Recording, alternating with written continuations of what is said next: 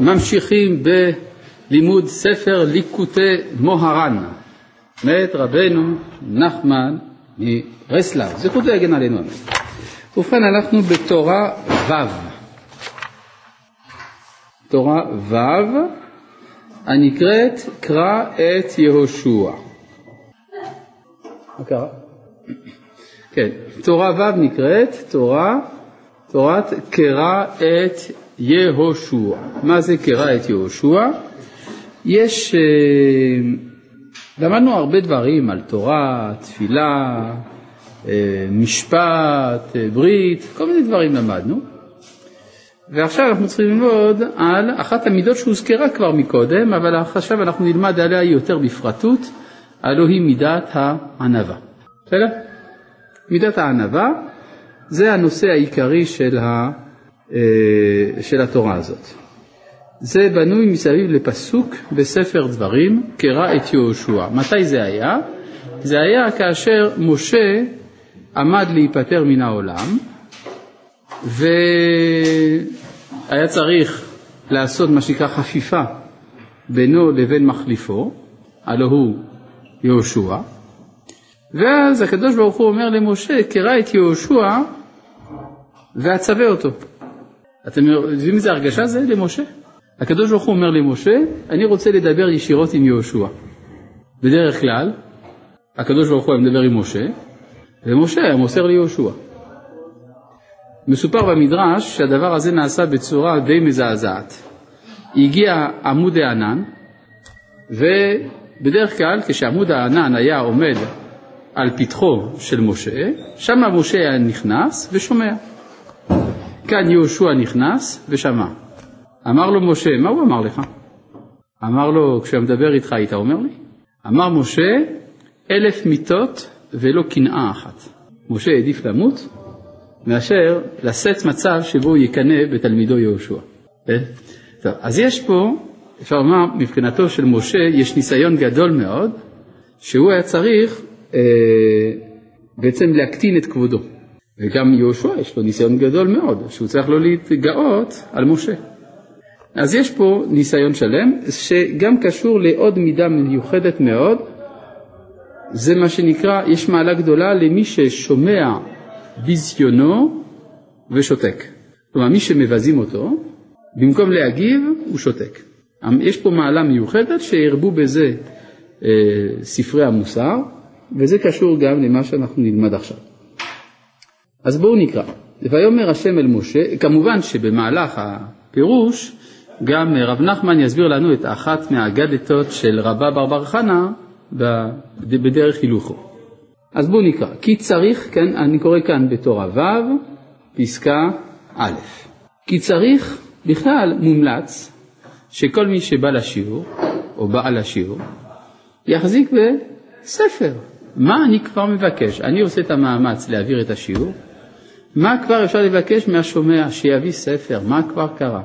והרי ההפרש בין ההבנה של אדם שיש לו ספר לאדם שאין לו ספר בשיעור זה בערך פי שש.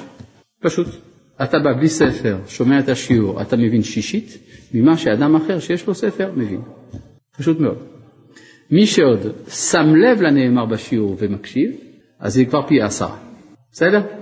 אז אתה נגיד מגיע בלי ספר וגם לא מקשיב, אז אתה מבין עשירית ממה שאדם אחר יכול היה להבין, יכול להבין. חבל. טוב, ויאמר השם אל משה קרא את יהושע, אני קורא כאן באות א', כי צריך כל אדם למעט בכבוד עצמו ולהרבות בכבוד המקום. מעניין הדבר הזה. אדם צריך למעט את כבוד עצמו ולהרבות את כבוד המקום. למה? אולי גם נצטרך קצת להבין מה זה כבוד. כבוד זה תמיד כלפי חוץ, מייחסים לי משהו, כן? אם מכבדים אדם, מה זה שיש לו כבוד? שאחרים מכבדים אותו. אבל יש חוץ מהכבוד שאנשים מכבדים את האדם, יש הכבוד העצמי של האדם. כלומר, גם אם האדם מבוזה, אנשים מבזים אותו, אבל אם יש לו מעלה פנימית, אז יש לו כבוד שאין כמוהו. שהוא נערך באין ארוך לעומת הכבוד שבני אדם היו צריכים לתת לו ולא נותנים לו.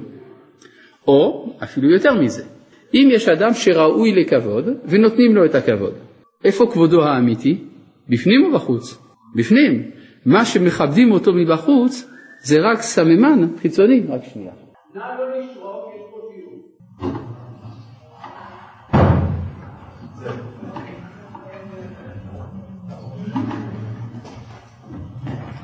טיפלתי בהם. טוב, אה, ובכן, אז הכבוד נבחן בשתי בחינות, כבוד כלפי חוץ, כבוד כלפי פנים. כאשר האדם למשל רודף כבוד, הוא מאוד רוצה שיכבדו אותו, זה סימן שהוא לא מכיר את הערך של הכבוד הפנימי שלו. כי אם הוא היה מכיר את כבודו, מה היה אכפת לו שיבזו אותו? אולי אפילו להפך. שיבזו אותו, זה יותר יבליט את כבודו העצמי. כמו שלמשל יהלום, אם מלכלכים את היהלום, זה מעלה ביהלום, כי הוא לא מתלכלך באמת, הוא נשאר יהלום. מה שאין כן מי שהלכלוך מפריע לו, זה סימן שהוא לא בדיוק יהלום, הוא סמרטוט. זה ההבדל. זה נקודה אחת. דבר שני, מהו הכבוד האמיתי של האדם? הכבוד האמיתי של האדם זה כבוד שמיים שמתגלה דרכו. יוצא שאם הוא ממעט בכבוד שמיים, הוא ממעט גם בכבוד עצמו. וכאשר הוא ממעט בכבוד עצמו, הוא מגדיל כבוד שמיים, אז הוא זוכה באמת לכבוד אמיתי, כי הכבוד העליון מאיר בקרבו. לכן, הנשמה בתנ"ך נקראת בשם כבוד. כן? השם התנ"כי לנשמה זה כבוד. למשל, עורה כבודי. עורה הנבל וכינור העיר השחר. אז מה זה דוד המלך היה אומר עורה כבודי? שהוא חש את נשמתו בקרבו. לכן הוא היה אומר עורה כבודי, הכבוד שלי מתעורר. כן, הוא התכוון למשהו פנימי. טוב, ויאמר השם אל משה קרא את יהושע, כי צריך כל אדם למעט בכבוד עצמו ולהרבות בכבוד המקום. כי מי שרודף אחר הכבוד אינו זוכה לכבוד אלוהים, אלא לכבוד של מלכים. כן? יש פסוק כזה במשלי, כבוד אלוהים אסתר דבר, וכבוד מלכים חקור דבר. אז אם כן, ספר משלי מלמד אותנו שיש שתי סוגי כבוד. כבוד של מלכים, זאת אומרת זה הכבוד החיצוני, שמכבדים את האדם וכדומה, כל ההתנהגות החיצונית הזאת, מה שהמהר"ל מכנה בשם חשיבות, חשיבות, זה הרבה דאווינים מסביב, ויש כבוד אלוהים, שהוא הכבוד הנסתר הפנימי של נפש האדם, וזה בכלל לא קשור להתנהגות. אז וכאן הוא, הוא מסביר מה ההבדל בין כבוד מלכים לכבוד אלוהים. כבוד מלכים שנאמר בו כבוד מלכים חקור דבר. מה זה חקור דבר? והכל חוקרים אחריו ושואלים מי הוא זה ואיזה הוא שחולקים לו הכבוד הזה וחולקים עליו. כלומר ברגע שהאדם תלוי בהתנהגות של אחרים כלפיו, שהוא מחפש את הכבוד, אוטומטית הוא חושף את עצמו לביקורת. לביקורת, לבדיקה. אתה אומר שאתה רוצה כבוד? שאתה ראוי לכבוד? טוב, בוא נבדוק. איך היה מס הכנסה? אהה. ואיך המידות? ואיך היושר? ואיך העזרה לזולת? וקיום מצוות? ותורה? אה? אתה אומר שאתה ראוי לכבוד? טוב, בוא נעשה לך בחינה, נראה אם אתה ראוי לכבוד הזה. כלומר, כבוד מלכים, חקור דבר. כי הוא תולה את עצמו כלפי חוץ, הוא תולה את עצמו בחוץ. אבל מי שבורח מן הכבוד, שממעט בכבוד עצמו ומרבה בכבוד המקום, אזי הוא זוכה לכבוד אלוהים. כלומר, הכבוד שלו בא מהיחס שלו אל האלוהים. ואז אין בני אדם חוקרים על כבודו אם הוא ראוי אליו. כי בכלל לא נוגע בכלל לשאלה של ההתנהגות של האחרים. ועליו נאמר כבוד אלוהים הסתר דבר, כי אסור לחקור על הכבוד הזה. זה אסור לחקור על הכבוד הזה, כי היחס בין הבורא לבין הנברא, בין האינסוף לסוף, הוא דבר שנעלם משכל האדם, ולכן אסור לחקור על הכבוד הזה. עד כאן מובן? טוב, כן. מה שמתגלה זה לא נסתר. זה נכון. מה השאלה? נו. לא. כי זה שהוא. אדם שנגיד מבזים אותו והוא שותק, אתה יודע שמי שמוחל על ביזיונו ושותק, שומע ביזיונו ושותק, זה כבוד, אבל לא כולם יודעים. המבזים אותו חושבים שהוא בזוי. בסדר? הראינו לו מה זה, אה? איך הוא אכל אותה, כן? ואינם מבינים שבאמת הוא זוכר. כן. יש בכלל, אה, מושג, יש מושג קרוב לזה, צדיק נגלה וצדיק נסתר. מה זה צדיק נגלה? צדיק נגלה זה רואים שהוא צדיק. למה? הוא עושה כל מיני דברים טובים, תורה, מצוות, מעשים טובים, כולם רואים, אז הוא צדיק נגלה. יש צדיק נסתר, מה זה צדיק נסתר? הוא גם כן עושה תורה, מצוות, מעשים אבל אף אחד לא יודע. שש, כזה שקט כזה. היה אחד אה, בימי המהרש"ל בפולין, שהיה מגדולי ישראל, וכל החיים שלו היה רק מוכר ירקות. חשבו שהוא מוכר ירקות פשוט. ולא ידעו שבלילות הוא עולה אל בית המדרש שמעל חנות הירקות שלו ולומד כל הלילה. כן, זה אחד מגדולי ישראל היה, שכחתי את שמו. אז, אה, אז יש צדיק נגלה, יש צדיק נסתר. אבל יש בעיה, שצדיקים נסתרים, באיזשהו שלב גם מגלים אותם, זה קשה להסתיר את זה. אז מה יעשה צדיק נסתר כדי שלא ידעו שהוא צדיק נסתר? האסטרטגיה היא פשוטה, הוא יתנהג מבחוץ כמו צדיק נגלה, ואז כולם יחשבו שהוא צדיק נגלה ולא ידעו שהוא צדיק נסתר. כי יש לפעמים שהממד הנסתר של הנפש הרבה הרבה יותר גבוה מהפועלים הגלויים. אז הוא ישתמש בפועלים גלויים, יחשבו שהוא צדיק נגלה. ואז לא ימדדו אותו בתור צדיק נסתר. זה מצוי, למשל אומרים את זה על הרב יעקב משה חרל"פ, מתלמידי הרב קוק הגדולים, שהצד הנגלה שלו היה נעלה לאין ארוך מהצד, ה... הצד הנסתר היה נעלה לאין ארוך מהצד הנגלה שלו. ככה גינו לו. טוב, אז אה, אני חוזר פה על הפסקה בקצרה. כי צריך כל אדם למעט בכבוד עצמו ולהרבות בכבוד המקום, כי מי שרודף אחר הכבוד אינו זוכה לכבוד אלוהים, אלא לכבוד של מלכים. שנאמר בו כבוד מלכים, חקור דבר. והכל חוקרים אחריו ושואלים מי הוא זה ואיזה הוא שחולקים לו הכבוד הזה, כבוד הזה, וחולקים עליו, שאומרים שאינו ראוי לכבוד הזה. אבל מי שבורח מן הכבוד, שממעט בכבוד עצמו ומרבה בכבוד המקום, אז הוא זוכה לכבוד אלוהים. ואז אין בני אדם חוקרים על כבודו, אם הוא ראוי אם לאו, ועליו נאמר כבוד אלוהים, הסתר דבר, כי אסור לחקור על הכבוד הזה. כן, מה השאלה? אני לא הבנתי את שני חלקי השאלה, אני חוזר. החלק הראשון היה, מה עם חוכמת המסכן בזויה? את חוכמתו הוא חייב לגלות. נכון, נכון, אז מה? אז חוכמת המסכן בזויה ודבריו אינם נשמעים. זה מאוד מצער, אבל זה לא אומר שאין לו חוכמה. עכשיו, האם זה אומר שהבורח מן הכבוד הוא רוצה שיבזו אותו? לא. הוא אדרבה, רוצה את הכבוד האמיתי. כלומר, הבורח מן הכבוד, הכוונה שהוא בורח מן הכבוד של כבוד מלכים. והוא רודף אחרי כבוד המקום, שהוא הכבוד האמיתי שלו. זה הכוונה. ואז ממילא דבריו נשמעים. שאם לא כן, לא יהיו דבריו נשמעים. כן. וזה החלק הראשון של השאלה, החלק השני? לא זוכר. טוב. אני לא זוכר. אה. טוב. ואי אפשר לזכות לכבוד הזה, אלא על ידי תשובה. למה? כן, בבקשה. אה. אתה שואל, האם ראוי בכלל לרדוף אחרי הכבוד העליון, כדי ש... הנסתר, כדי שלעתיד לבוא יהיה לו כבוד בשמיים?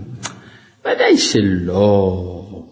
מי שרודף אחרי כבוד העליון, זה, לא, זה כבר לא כבוד עצמו, הוא עושה את זה לכבוד השם.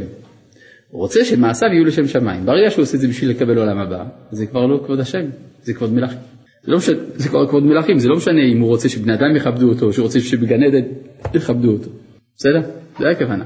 למשל, יש בגמרא במסכת ברכות, יש תפילה שרבי אלעזר היה אומר בסוף שמונה עשרה. תפילה ארוכה, דומה לאלוהי נצור שלנו, אבל שמה כמה דברים שונים. אחד הדברים שרבי אלעזר היה אומר, זה ותיתן חלקנו בגן עדן. אז הרב קוק מסביר שרבי אלעזר הוא לא התכוון אה, לבקשה אגואיסטית. הוא אמר, זה מאוד חשוב שאני אהיה בגן עדן, כי ככה אני אלמד לאהוב אחרים. כי בגן עדן הצדיקים נמצאים זה עם זה, ואוהבים זה את זה. יש להם אהבת השם. אז כיוון שאני רוצה לזכות לאהבת הזולת, לכן אני מבקש להיות בגן עדן. זה כבר לא בשביל עצמו. כן.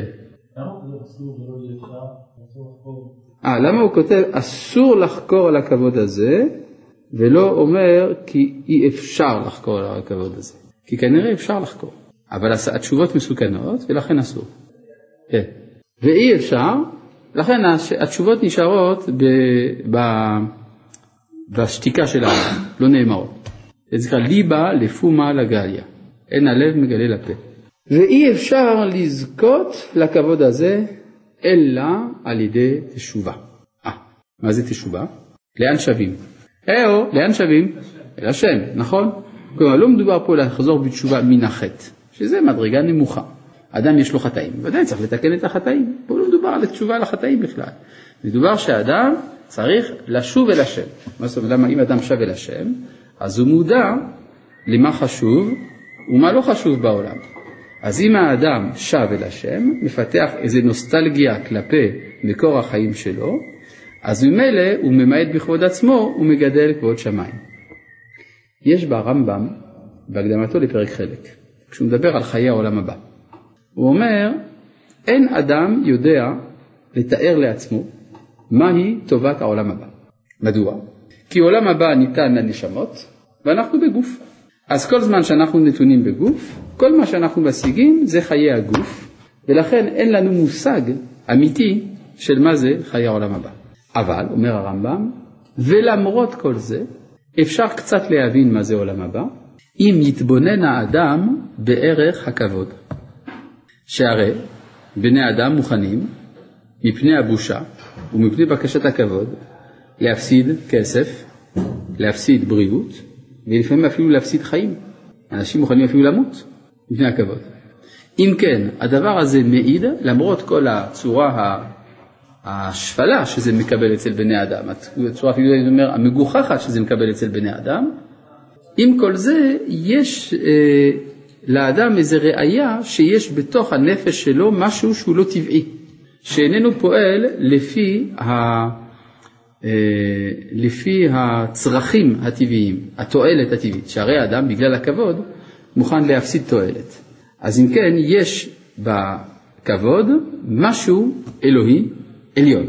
אז אה, כאשר האדם שואף, הייתי אומר משתוקק אל המעמד של פנים אל פנים עם האלוהות, זה נקרא מעמד של תשובה, במעמד של תשובה האדם מרבה בכבוד המקום ולא בכבוד עצמו.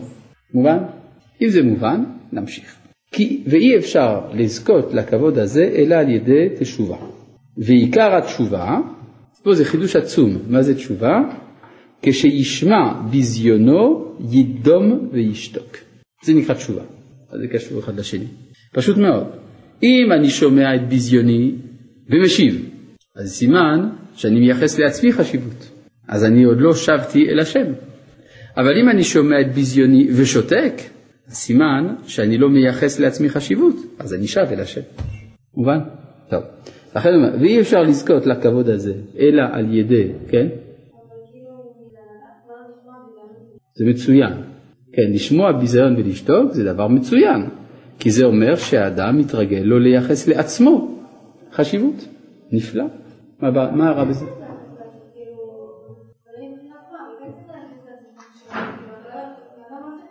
אדם לא צריך להשפיל את עצמו, זה נכון. לכן אדם לא צריך לבזות את עצמו. מה זה קשור לעניין? עצמו זה צלם אלוהים, אז זה כבר לא מצד עצמו. למה הוא לא צריך לשתוק? זה מצוין שישתוק, כי ככה לפחות הוא לא ירגיש שהוא חשוב. אה, אם, צריך, אם זה מצד שהוא מכבד את הצלם אלוהים שבו זה מצוין, אז הוא צריך להגיב. אז זו השאלה, אז באמת נשאלת שאלה, האם אדם צריך להגיב או לא צריך להגיב? מה התשובה? תלוי. אם הוא בשלב שבו הוא קונה, בשלב של החיים שלו שבו הוא קונה את ההכרה הזאת, שהוא עדיין צריך לקנות את ההכרה הזאת, שהוא מייצג כבוד שמיים ולא כבוד עצמו, אז עדיף שישתוק. ואם הוא כבר בשלב שבו הוא מכיר שכל הערך שלו זה מצד צלם אלוהים שבו, יגיב. ולכן אמר אה, ירמיהו הנביא במגילת איכה, טוב לגבר כי יישא עול בנעוריו, ישב בדד וידום כי נטל עליו, ייתן למכהו לחי, ישבע בחרפה. כן? זה לא באבנגליון, זה לא ישו, זה ירמיהו הנביא. הוא אמר, ייתן למכהו לחי. כלומר, מי שהיכה אותו על הלחי, יושיט לו את הלחי השנייה. כך אומר ירמיהו הנביא, יהודי אורתודוקסי לכל הדעות. כן, אלא מה הוא אמר? בנעורה. זה התשובה. כלומר, כאשר אדם מתמלא בגאווה, והגאווה מצויה בימי הנעורים, שאדם מרגיש את עוצמת החיות שלו, אז אומרים, זה טוב שיעשה תרגילים כאלה. כן? שמי שנתן לו מכה, טח, ירגיש את הלחי השנייה. אבל אחרי שהוא כבר הפנים את זה ש... אין זה ראוי מצידו לרוץ אחרי כבוד מלכים. ואז עכשיו הוא מחפש כבוד אלוהים, מי שייתן לו סטירה, הוא ייתן לו שתיים, בחזרה. בסדר? יכסח אותו טוטל, לא ישאיר ממנו ככה. בסדר? זה תלוי באיזה שלב. מתי אדם יודע שהגיע לכבוד אלוהים? אה, זה לפי מידת התשובה. זה אנחנו נלמד בתורה הזאת של הרב נחמן. כן? פה לומדים איך יודעים שמגיעים לשלב הזה. ואי אפשר לזכות לכבוד הזה אלא על ידי תשובה. בעיקר התשובה כשישמע בזיונו, יידום וישתוק, כי עכשיו הוא נכנס פה, התורה הזאת שאנחנו לומדים כאן היא קצת קשה בגלל שהיא מכניסה הרבה הרבה מאוד מושגים שלקוחים מתורת הרמז והסוד. אבל אנחנו נעשה מאמצים לפשט את הדברים, בסדר? כי לית כבוד בלא כף. אין כבוד, לית זה אין, כבוד ולא כף. איך אני יודע? המילה כבוד, יש כף, נכון? מה? בלי כף זה ווד. מה זה בוד? זה שום דבר. כן? לית כבוד בלי כף. והכף, מי אומר את זה? לית כבוד בלא כף? הנה, זה בזוהר, בפרשת פנחס רנ"ה עמוד ב'. מה הזוהר רוצה לומר לית כבוד בלא כף? והכף הוא כתר בחינת תהיה, בחינת תשובה. פשוט מאוד. מה זה כבוד? זה בכף. מה זה כף? מה פירושה? למה משמש את הכף? כשאומרים כמשהו, מה מתכוונים? דימוי, כלומר זה כף הדמיון, נכון? דמיון, הכף. כן, אז זאת אומרת שהכבוד בא על ידי שהאדם מסוגל להשתמש בכוח הדמיון. יש לזה צד קליפתי ויש לזה צד פנימי. הצד הקליפתי זה שכל כל הדמי, כל הכבוד זה דמיון. אתה אומר למישהו כבודו, כן? אתה, אני יודע, מנשק לו את היד, נותן לו מקום מיוחד באוטובוס. כל הדברים האלה זה דמיון, זה שטויות. אתה נותן לו בגד מיוחד, אתה נותן לו, כל מיני דברים כאלה. כל הדברים האלה זה דמיון. מצד שני, יש בדמיון משהו עליון מאוד, כמו שמצאנו בבגדי הכהונה, ועשית בגדי קודש לאהרון אחיך, לכבוד ולתפארת. אם כן, יש ערך לדאווין הקדוש, כן? שיש בגדי הכהונה, זה דבר פנימי. מה פירוש הדבר? יש הבדל בין שכל לבין דמיון. השכל מסוגל רק לנתח את מה שיש, אבל הוא לא מסוגל להוסיף נתונים. כלומר, אתה אומר לי, תשכיל. אני אגיד, בבקשה, אני מוכן להשכיל, אבל תביא לי נתונים להשכיל אותם. לעומת זה, הדמיון מסוגל לחדש נתונים שלא היו. זאת אומרת שאם האדם רוצה לבוא במגע עם מה שנבדל מן העולם, הוא רוצה לבוא במגע עם האינסוף, הוא מוכרח להיות בעל כוח של דמיון, נכון? זאת אומרת, מי שיש לו דמיון, הוא מסוגל להתעלות מעל המציאות, וזה כוח של תשובה. עד כאן מובן? זה ברור או לא? בסדר, כי אני הולך לסבך את זה, אם זה לא ברור עכשיו, תשאלו עכשיו. אל, אל תחשבו שבהמשך זה יהיה יותר ברור, זה בהמשך יהיה יותר מסובך, ככה זה. טוב, כן.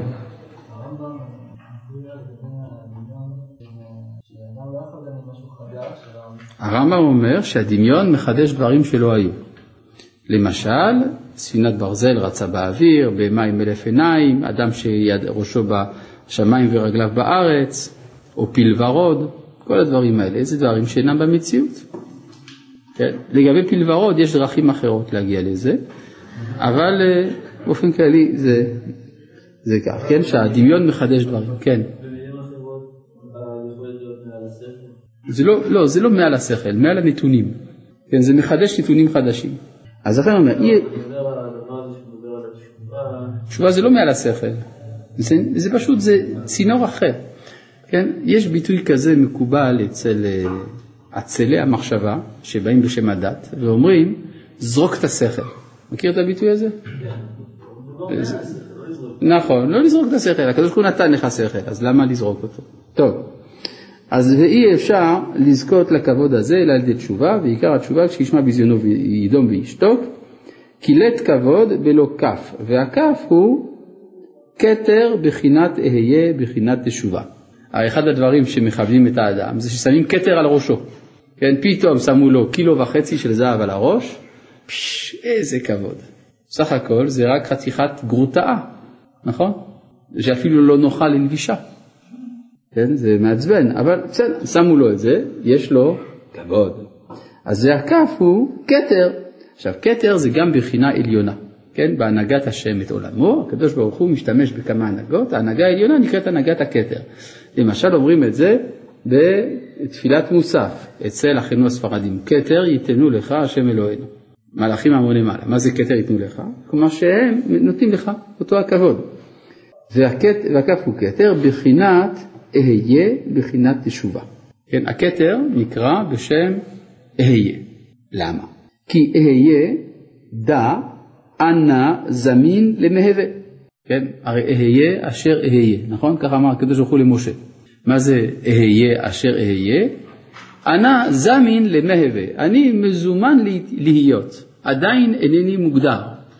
זה כמו ש... אה, אולי אני אסביר קצת, מה פירוש השם אהיה אשר אהיה? אז יש כאלה שנותנים פרשנות פילוסופית. אני זה שמגדיר את ההוויה שלו על ידי עצמו. כן? אבל יש בעיה. אז זה לא צריך להגיד אהיה אשר אהיה, צריך להיות אני הוא. אני ההווה מכוח עצמו, מכל מיני ביטויים כאלה, אבל זה לא מה שפשט הפסוק אומר. מצאנו ביטוי דומה. ארץ בה נולדנו, ארץ בה נחיה, יהיה מה שיהיה. אז מה זה יהיה מה שיהיה? מה, לא משנה מה יהיה. כן, כלומר, יהיה מה שיהיה, ארץ בה נולדנו, ארץ בה נחיה. אז אהיה אשר אהיה, זה כאשר משה שאל את הקדוש ברוך הוא, ריבונו שלם, איך קוראים לך? אמר הקדוש ברוך הוא, אהיה אשר אהיה.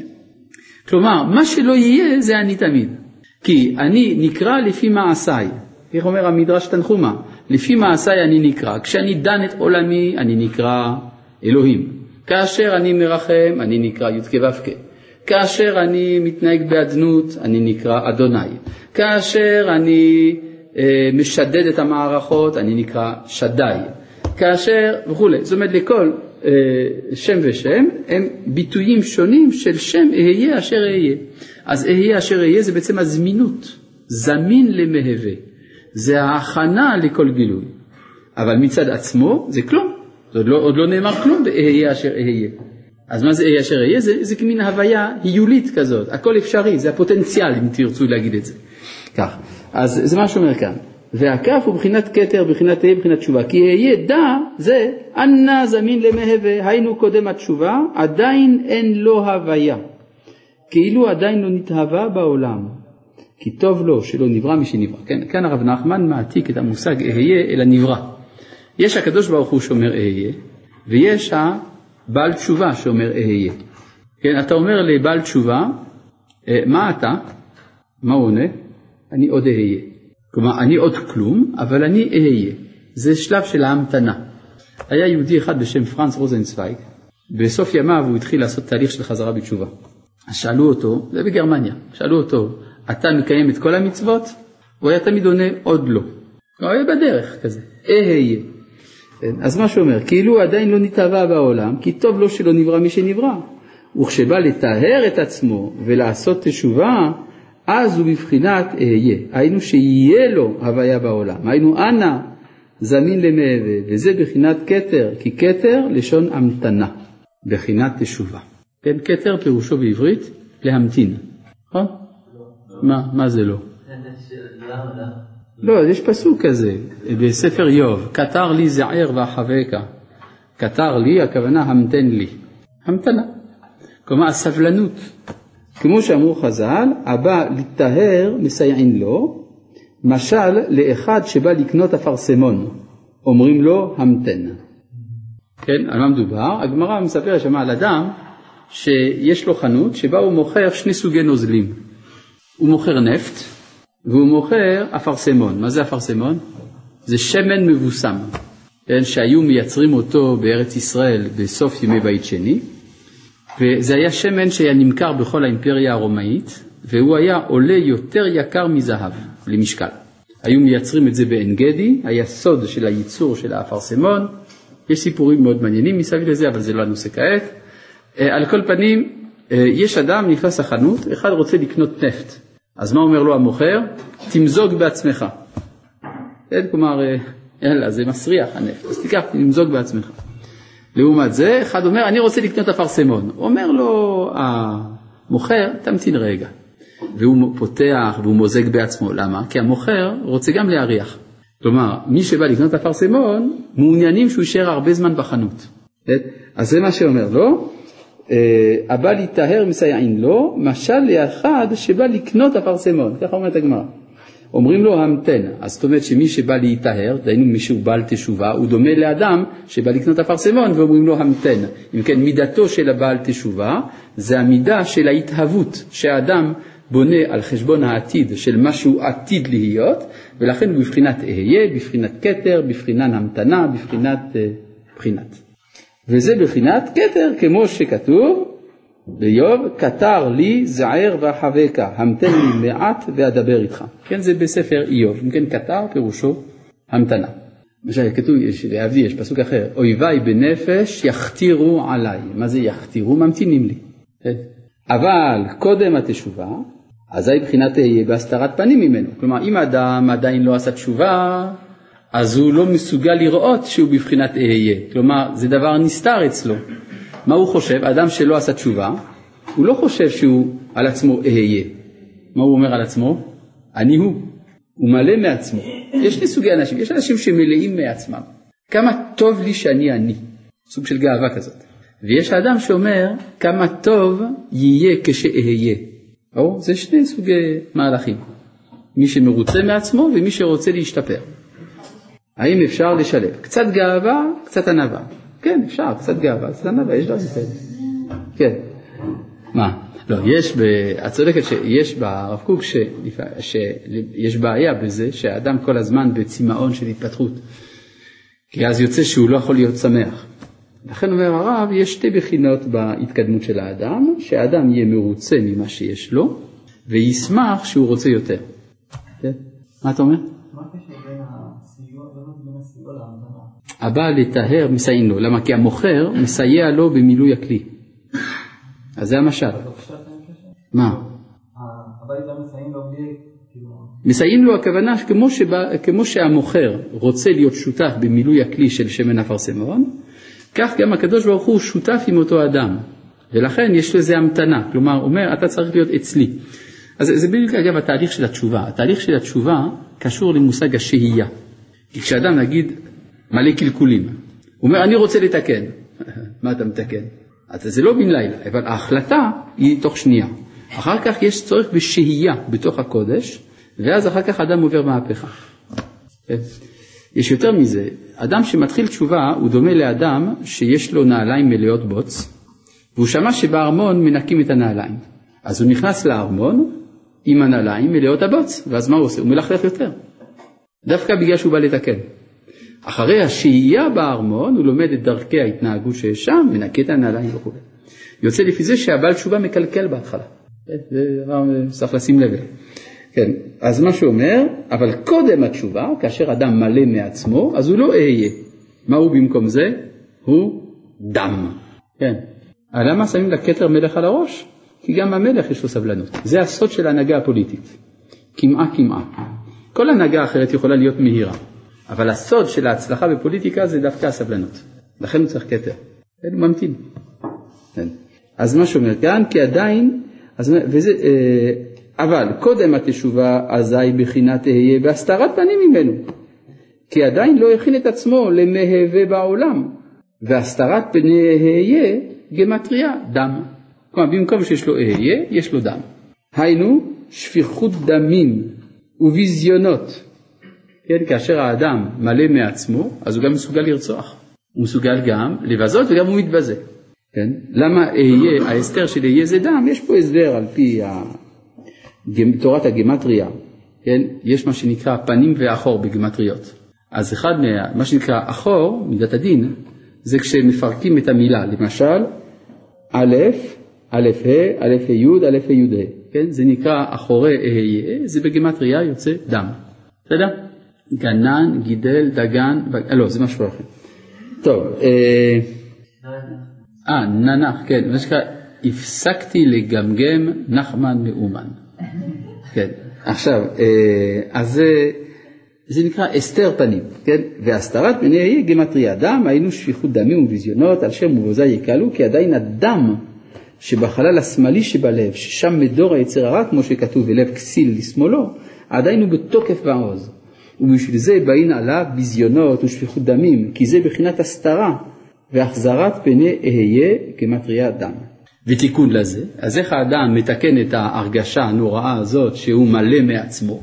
זה ותיקון לזה שיהפוך דם לדום. כן? אדם שהוא מלא דם, כל הזמן מתרברב, ואם מבזים אותו הוא משיב. לא, תהפוך את זה לדום, שיהיה מן השומרים חרפתם ואינם משיבים, ולא ידקדק על ביזיון כבודו. וכשמקיים דום לשם, אז הקדוש ברוך הוא מפיל לו חללים חללים, כמו שכתוב דום לשם ויתחולל לו והוא יפיל לך חללים. כן, זה כמו שדרשו חז"ל בגיטין דף ז', מה זה שמה מדובר על אחד החכמים שהתלונן שיש אנשים רעים שעשו לו כל מיני צרות והוא חיפש איזה תחבולה איך להינקם מהם. אז אמרו לו אל תחפש תחבולה, תשתוק ורק תיכנס לבית המדרש. תלמד כל יום בבוקר ובערב ואתה תראה שהם כבר ייפלו מעצמם, כן? שנאמר דום לשם ויתחולל לו. אמרו חז"ל מה זה דום לשם? אתה תשתוק ואז הקדוש ברוך הוא, השם, יפיל אותם חללים חללים לפניך. דום להשם ויתחולל לו. אז מכאן שהדום זה מה שמציל אותו משפיכות דמים. כן, היינו וליבי חלל בקרבי, היינו על ידי זה נתמעט הדם שבחלל השמאלי, וזה בחינת זביחת היצר הרע. ועל ידי זה זוכה לכבוד אלוהי, כמו שכתוב, זובח תודה יכבדני. ודרשו חז"ל על זביחת היצר הרע. כשאדם זובח תודה, זאת אומרת שהוא זובח את היצר הרע שלו, יכבדני, הוא נותן כבוד לשמיים, ואז הוא מקבל כבוד אלוהים. בסדר? בבקשה.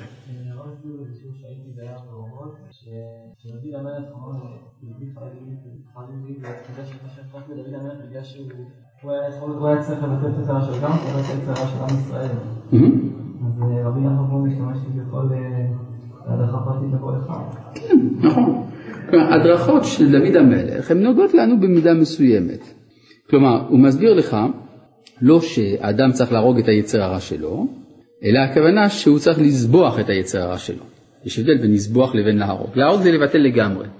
לזבוח, הכוונה שהוא מפריד את הראש מן הגוף. כן, כלומר, זה הבחנה בין השורש של היצר הרע שהוא חיובי, לבין הגוף שזה ההופעה של זה, שהוא שלילי. אז זאת אומרת, אז בואו נסכם בינתיים, אדם צריך למעט בכבוד עצמו לחפש כבוד שמיים, אחרי שהוא, אה, ואיך הוא עושה את זה? על ידי תשובה, ואיך אנחנו עושים תשובה? על ידי שאדם ביזיונו, שומע ביזיונו ושותק, כי אז יש לו יכולת להיות בבחינת אהיה, כלומר מי שחש בעצמו שעדיין אין לו קיום והקיום שלו בהתהוות, זה נקרא אהיה, לעומת אדם שאיננו חש כך, אלא הוא מלא מעצמו, וזה נקרא דם. והתיקון של דם זה דום, שאדם יזבח את יצרו וישמע ביזיונו וישתוק, ועל ידי זה זוכה לתשובה, ומתוך כך זוכה לכבוד שמיים. עכשיו, זה פשוט לכאורה, בינתיים זה דברים פשוטים. עכשיו אנחנו נראה שלעשות תשובה זה לא פשוט. למה זה לא פשוט? בואו נראה. כי צריך לעשות תשובה על זה שהוא עושה תשובה. כן, צריך לעשות תשובה על זה שהוא עושה תשובה. צריך אדם לעשות תשובה על חטאים, וצריך לעשות גם תשובה על זה שהוא עושה תשובה. הכיצד? בשביל זה נלמד את הטקסט. לפי הכלל הגדול, שכדי לדעת מה שספר אומר, צריך לקרוא בספר, נכון? טוב, וצריך לאחוז תמיד במידת התשובה. כי מי יאמר, זיכיתי ליבי, טהרתי מחטאתי. כי בשעה שאדם אומר, חטאתי, עביתי, פשעתי, אפילו זה אי אפשר לומר בבור לבב ולפנייה. אדם אומר, חטאתי, אתה באמת חושב את זה? יש איזה, כן, יש איזה, הדרשנים אומרים שכשאדם, מדוע מכה על החזה כשהוא אומר חטאתי, אביתי, פשעתי, זה כמו שק של קמח, שמכים בו כדי שייכנס בו יותר קמח. אז האדם אומר חטאתי כדי שיוכל להכניס עוד חטאים לתוך ליבו. כן, אז כן, זה הדרך של הדרשנים, זה מייאש קצת מהתשובה, אבל על דרך ההומור זה בסדר. וזה מי יאמר זיכיתי לבבי טהרתי מחטאתי, היינו מי יוכל לומר שליבו זך וטהור מפניות אפילו בשעה שאומר חטאתי וכולי. וזה מי יאמר וכולי טהרתי מחטאתי, היינו שיהיה טהור מחטאתי, הבאתי פשט שאמר. כלומר, אדם צריך להיות טהור מזה שהוא אמר חטאתי אביתי פשעתי. כי גם אז אינו זך וטהור בלי פניות כנ"ל, נמצא שצריך לעשות תשובה על התשובה הראשונה. היינו על חטאתי אביתי פשעתי שאמר. אמרת, עשית תשובה, לך תחזור בתשובה על זה. כי כשעשית תשובה זה היה עם פניות, אתה צריך לעשות תשובה על הפניות. כן, זה בלי סוף, כן? אפשר להשתגע מזה. מה? פניות הכוונה פנייה אישית, כלומר יש לו נגיעה אישית בדבר הזה. הוא לא לגמרי שלם ממה שהוא אומר, קצת משחק אותה, זה בלוף, כן? כי, כי, אה, למה? בגלל שכאשר, הוא יסביר את זה בהמשך, שכאשר האדם נתון לחטא, התפיסה שלו של האלוהות היא תפיסה מזויפת. אז לפני מי הוא חוזר בתשובה? לפני אלוה המזויף. מה? החטא מטמטם ליבו של אדם. יוצא לפי זה שאם אדם נתון לחטא, מה שהוא חושב על הקדוש ברוך הוא בטח לא נכון. כי יש לו טמטום הלב. אמת או לא? כן, את מבינה אותי או לא? אז למה את לא נותנת, למה את נותנת לי למה את נותנת לי להמשיך אם את לא הבנת? אני חוזר על זה עוד פעם. עבירה מטמטמת ליבו של אדם, מבינה את זה? מה פירוש מטמטם ליבו? שהוא מסתכל על העולם לא נכון, בסדר? גם על הקדוש ברוך הוא מסתכל לא נכון, נכון? עכשיו, הוא מחליט לעשות תשובה כשהוא עדיין נתון בחטא. אי אפשר לעשות תשובה אם אין לו חטא. אז יש לו חטא, אבל מה, יש לו תפיסה מעוותת. אז הוא... נכון, את צודק, אבל הוא מתחיל לתקן את התפיסה. אז יש לו קצת תיקון בתפיסה, קצת עיוות בתפיסה. כשיגמור לעשות את התשובה שלו, התפיסה שלו תתעלה יותר. ואז הוא יבין שהאלוה שלפניו הוא עשה תשובה לא היה האלוה הנכון. אז עכשיו הוא צריך לעשות תשובה לתשובה הראשונה. יש סיפור כזה שמספרים על רבנו סעדיה גאון. זה סיפור שלא קרה לרבנו סעדיה גאון, אבל מספרים שהוא קרה לרבנו סעדיה גאון. שרבנו סעדיה גאון יום אחד התארח באיזה עיירה קטנה, באיזה כפר, ששם לא הכירו אותו. אבל אה, מאחר וראו שיש לו חזות רבנית, אז נתנו לו כבוד בבית הכנסת, כיבדו אותו, והוא הלך להתארח אצל אה, אחד מהבעלי בתים שקיבל אותו, נתן לו קצת כבוד, נתן לו אוכל, נתן לו מיטה, נתן לו זה. למחרת בבוקר הלכו לבית הכנסת. ואז מישהו בבית הכנסת זיהה שזה רב סעדיה גאון. אז נתנו לו כבוד פי כמה וכמה. בא בעל הבית ובכה לפני רב סעדיה גאון, ביקש שימחל לו. הוא אומר, על מה אני צריך למחול? הוא אומר, כי אם הייתי יודע שאתה לא סתם אחד הרבנים, אלא אתה גאון האומה, אז הייתי מכבד אותך יותר. אבל כיוון שלא הכרתי אותך, לא כיבדתי אותך לפי מעלתך. לכן מבקש מחילה על הכבוד שנתתי לך. אז. מספרים שאחרי הסיפור הזה, רבנו סעדיה גאון התחיל לעשות גלגולי שלג כדי לתקן את העוונות שהוא עשה כשהוא הילד. שאלו אותו מה קרה. הוא אומר, כי כשחטאתי בפעם הראשונה ועשיתי תשובה, לא הכרתי את הקדוש ברוך הוא כמו שאני מכיר אותו עכשיו. עכשיו אני מכיר אותו עכשיו, אז אני מבין שהחטא שלי לעומתו היה הרבה יותר גדול ממה שאני עכשיו, אה, ממה שתפסתי אז. לכן זה אסור לעשות תשובה על זה. אני מכיר אותו יותר. בסדר? נכון, ואז יוצא לפי זה שהוא אוכל אותה יותר, כי עכשיו הוא צריך לעשות תשובה על התשובה של התשובה. כן. אמת. מה? שהטמטום מחטיא את האדם? נכון, וגם החטא גורם לו טמטום, זה בשני הכיוונים. אה, מדוע החטא גורם טמטום? בגלל שהחטא משע... כי החטא משעבד. החטא משעבד. כבר יש אדם משועבד, אז התפיסה שלו משתנה לפי השעבוד הזה. כלומר, התשובה היא בעצם ביטוי של החפץ האדיר של האדם להיות בן חורין. כל זמן שהאדם משועבד, אז הוא לא בן חורין. והוא עלול לחשוב באמת וברצינות שהוא עבד. לכן צריך לצאת מבית עבדים על ידי שאדם פורץ את הגבולות של שלשלאות החטא שעליו. בסדר? נותן לנשמה החירותית שלו להופיע. ובכן, בואו נמשיך. כן, מה? זה מתסכל? למה זה מתסכל? אה, זה אף פעם לא נגמר. לא, לא, לא, לא, לא. כי הפעמים הנוספות שאדם חוזר בתשובה על תשובתו, שחוזר בתשובה על תשובת תשובתו, אז זה כבר הופך באיזשהו שלב לעונג עליון. זה העונג שיש בתשובה, שמתגלה. אבל זה בשלבים מתקדמים. כלומר, בשלבים מתקדמים אומר הרב קוק באורות התשובה, פרק ז', פסקה ז', כוכבית, שכאשר האדם מעמיק באמת ביסוד התשובה, הוא מתמלא בשמחה עצומה על כל חטא, מפני יסוד התשובה שהיא תיקון העולם שמתגלה על ידי תשובתו. בסדר? אז זה שלבים ראשונים, זה מתסכל, שלבים עליונים, זה הכיף העליון. הווה נקרא. לא, באמת, ברצינות. אה, אה. הכיף העליון זה התשובה המתמדת הזאת, שהוא שמח שיש לו תשובה מתמדת. אז זה לא דיכאון, התשובה זה לא דיכאון לפי זה. אז מה שהוא אומר כאן, נמצא שצריך לעשות תשובה על התשובה הראשונה. היינו על חטאתי עבדתי פשעתי שאמר, כי עליו נאמר בשרתיו כיבדוני, כי על ידי תשובה זוכה לכבוד השם, וליבו רחק ממני. ואפילו אם יודע אדם בעצמו שעשה תשובה שלמה, אף על פי כן צריך לעשות תשובה על תשובה ראשונה. כי מתחילה כשעשה תשובה עשה לפי השגתו, ואחר כך בוודאי כשעושה תשובה בוודאי הוא מכיר ומשיג יותר את השם יתברך. נמצא לפי השגתו שמשיג עכשיו, בוודאי השגתו הראשונה הוא בבחינת גשמיות. נמצא שצריך לעשות תשובה על השגתו הראשונה, על שיתגשם את רוממות אלהותו. וזה בבחינת עולם הבא שיהיה כולו שבת, היינו כולו תשובה. כמו שכתוב, ושבת עד השם אלוהיך, ושבת אותיות בשבת. כי עיקר עולם הבא הוא השגת אלהותו, כמו שכתוב, ידעו אותי למגדולם ועד קטנם. ונמצא שבכל עת שישיגו השגה יתרה, אזי יעשו תשובה להשגה הראשונה. עד כאן להיום. ההמשך בשנה הבאה. כל טוב.